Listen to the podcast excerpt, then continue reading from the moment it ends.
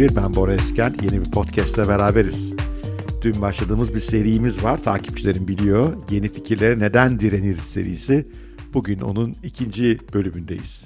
Ve bu ikinci bölümde yeni fikirlerin biraz dandik gözükmesinden bahsedeceğim. Bu dandik görüntü de insanları onlardan soğutuyor. insanları korkutuyor, insanların ilgisini çekmemeleri neden oluyor. İnsanların onların geleceğine inanmamaları neden oluyor. Evet bugün yeni ürünlerin dandikliği üzerine konuşacağız. Hazırsanız başlıyoruz. Bugün hayatınızın vazgeçilmez bulduğunuz ürünlerinizi düşünün. Mesela cep telefonları. Onun için tabii en önemli marka hala iPhone. Ve iPhone'un bugünkü haliyle artık elinizde bilmiyorum 10 mu var, 11 mi var, yeni gelen 12'ler mi var? Ee, ilk versiyonunu bir karşılaştırın. İlk versiyon iPhone'lar hakikaten son derece zayıf cihazlardır. Ben hani işin çok teknik bölümüne girmeyeyim ama hani bir tüketici açısından önemli olan pil ömürleri süper kısadır, yok gibidir. E, telefonda 3G yoktur, Edge vardır ki o zaman rakibi olan BlackBerry'de 3G'ler çoktan piyasaya çıkmış durumdaydı. Telefonun e, kalınlığı ve ağırlığı bayağı fazladır. Ekran çözünürlüğünün bugünkülere hiç ilgisi yoktur. Daha önemlisi üzerine aplikasyon dükkanı yoktur. İşte yapabildiğiniz şeyler oldukça kısıtlı hava durumuna bakarsınız. Hisse senedi durumuna mailinize bakarsınız. Mailinize attachment ekleyemezsiniz. E, sadece attachment'ları okuyabilirsiniz. Böyle bir cihaz. Ve oldukça da yüksek bir fiyata o dönem için.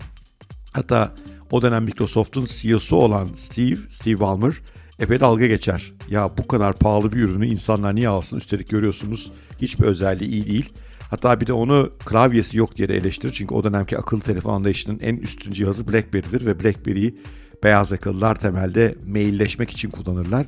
Onun iPhone'u kıyaslar ya bu çok dandik bir ürün bundan bir şey olmazlar. Peki o dönemin yorumları haksız mıydı? Hayır bence değildi işin doğrusu.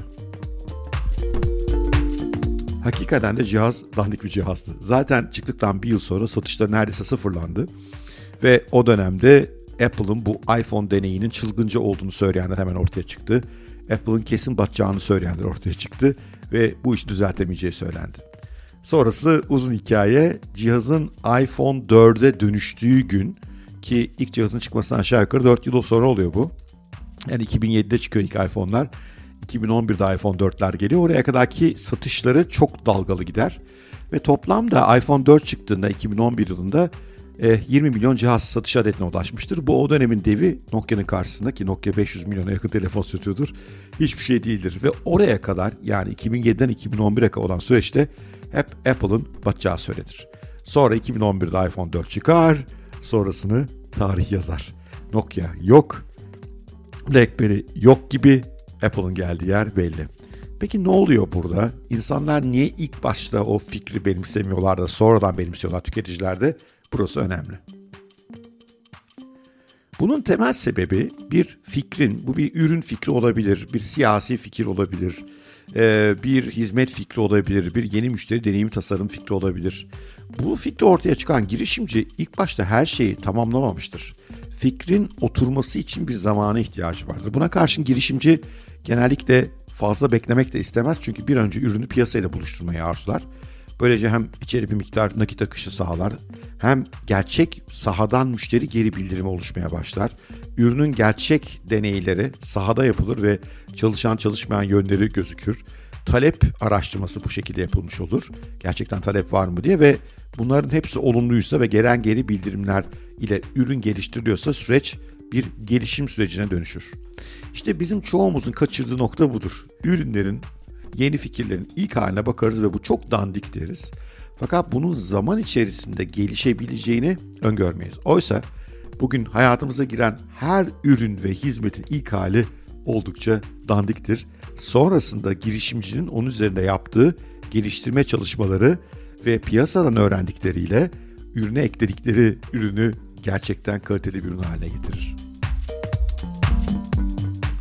Bu sadece fiziksel ürünler için böyle değil. E, hizmetler için de öyle. Mesela Airbnb düşünün. İlk e, Airbnb sitesi 2007 yılında açılıyor. İlk ciddi para kazanmayı 2014'e kadar yapamıyorlar. Çünkü site bir türlü oturmuyor. İşte görselleri güzel olmuyor. Güvenlik sorunları çıkıyor. Müşterilerle yani ev kiralamak isteyenlerle evlerini kiraya vermek isteyenleri buluşturan algoritmalar tam anlamıyla çalışmıyor. İnsanlar e, ürünü pek benimsemiyor, korkuyorlar. Ya diyorlar el alemin evinde kalır mı veya öbürü diyor ki el aleme evim verir miyim? Bunun nasıl güvenli işleyeceği, ödeme nasıl işleyeceği belli değil. Ve bütün bunlardan dolayı ürüne olan adaptasyon oldukça uzun sürüyor. Airbnb'nin ilk hali ismi Air Bed and Breakfast'tır bu arada. Air hava yatağından gelir, Bed and Breakfast de o da kahvaltıdan gelir. O sitenin hanemi bunu internette bulabilirsiniz görsellerini. O günden bugüne Airbnb'nin nereye doğru evrildiğine bir bakın.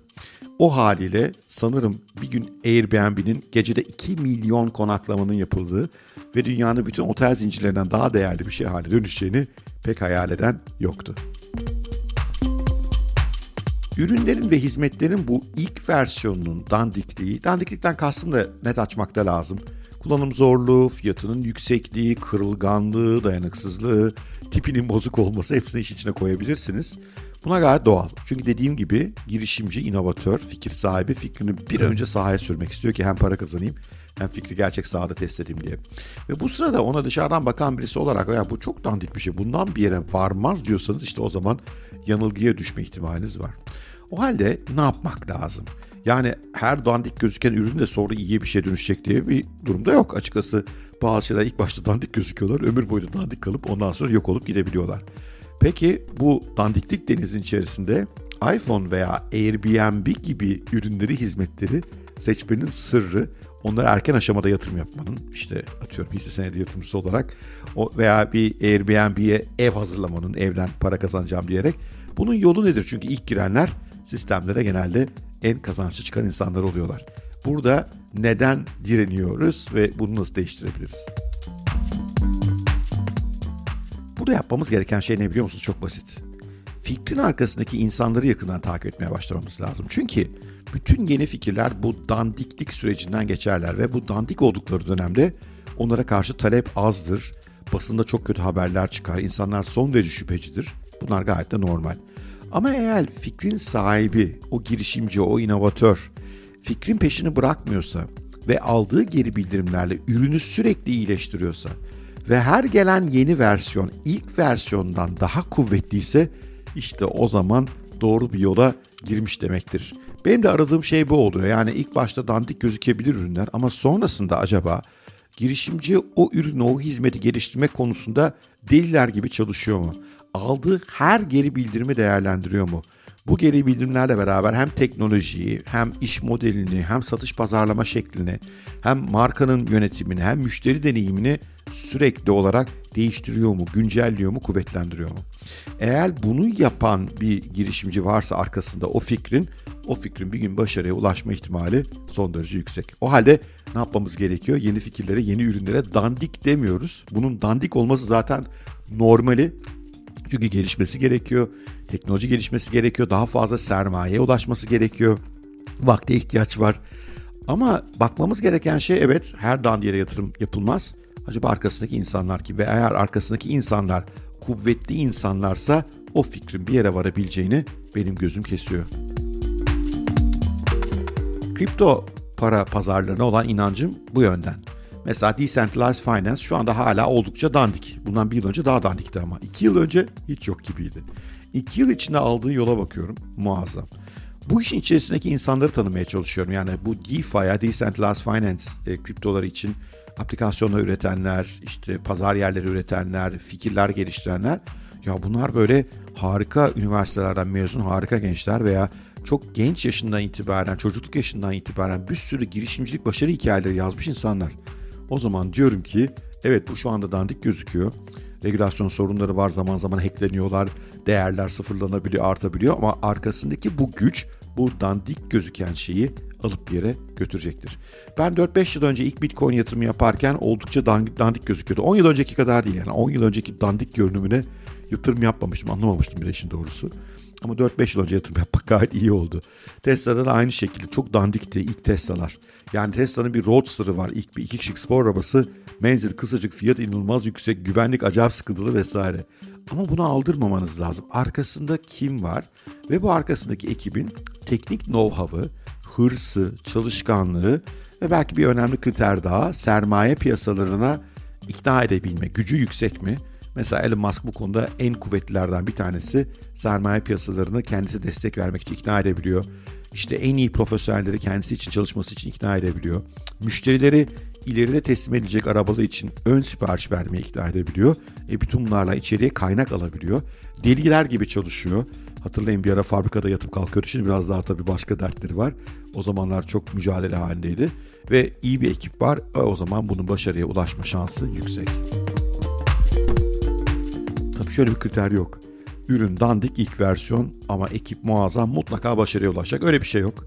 Tarihte bunun ters örnekleri de epey görebiliriz. Ama yine de büyük oranda bu şekilde çalışan ekiplerin işi bir yere vardırdığını görüyoruz. O nedenle arkadaşlar özetlemek gerekirse yeni fikirlere dandik demiyoruz. Dandik olmaları doğal diyoruz. Acaba bu dandik şeyi geliştirecek arkasında bir ekip var mı? Bu ekip sermayeye, iş gücüne ulaşabiliyor mu? Bu ekibin lideri zorlukları aşmak konusunda büyük bir mücadele gücüne sahip mi? Buna bakıyoruz. İlk bölümü böylece tamamlayalım. Demek ki işin ana noktası girişimcinin kim olduğu ve fikrin dandik gözükmesine pek aldırmıyor olmak. Yarın devam ediyor olacağız. Sizlerden bir ricam eğer bu podcast hoşunuza gitmişse lütfen başkalarıyla paylaşın.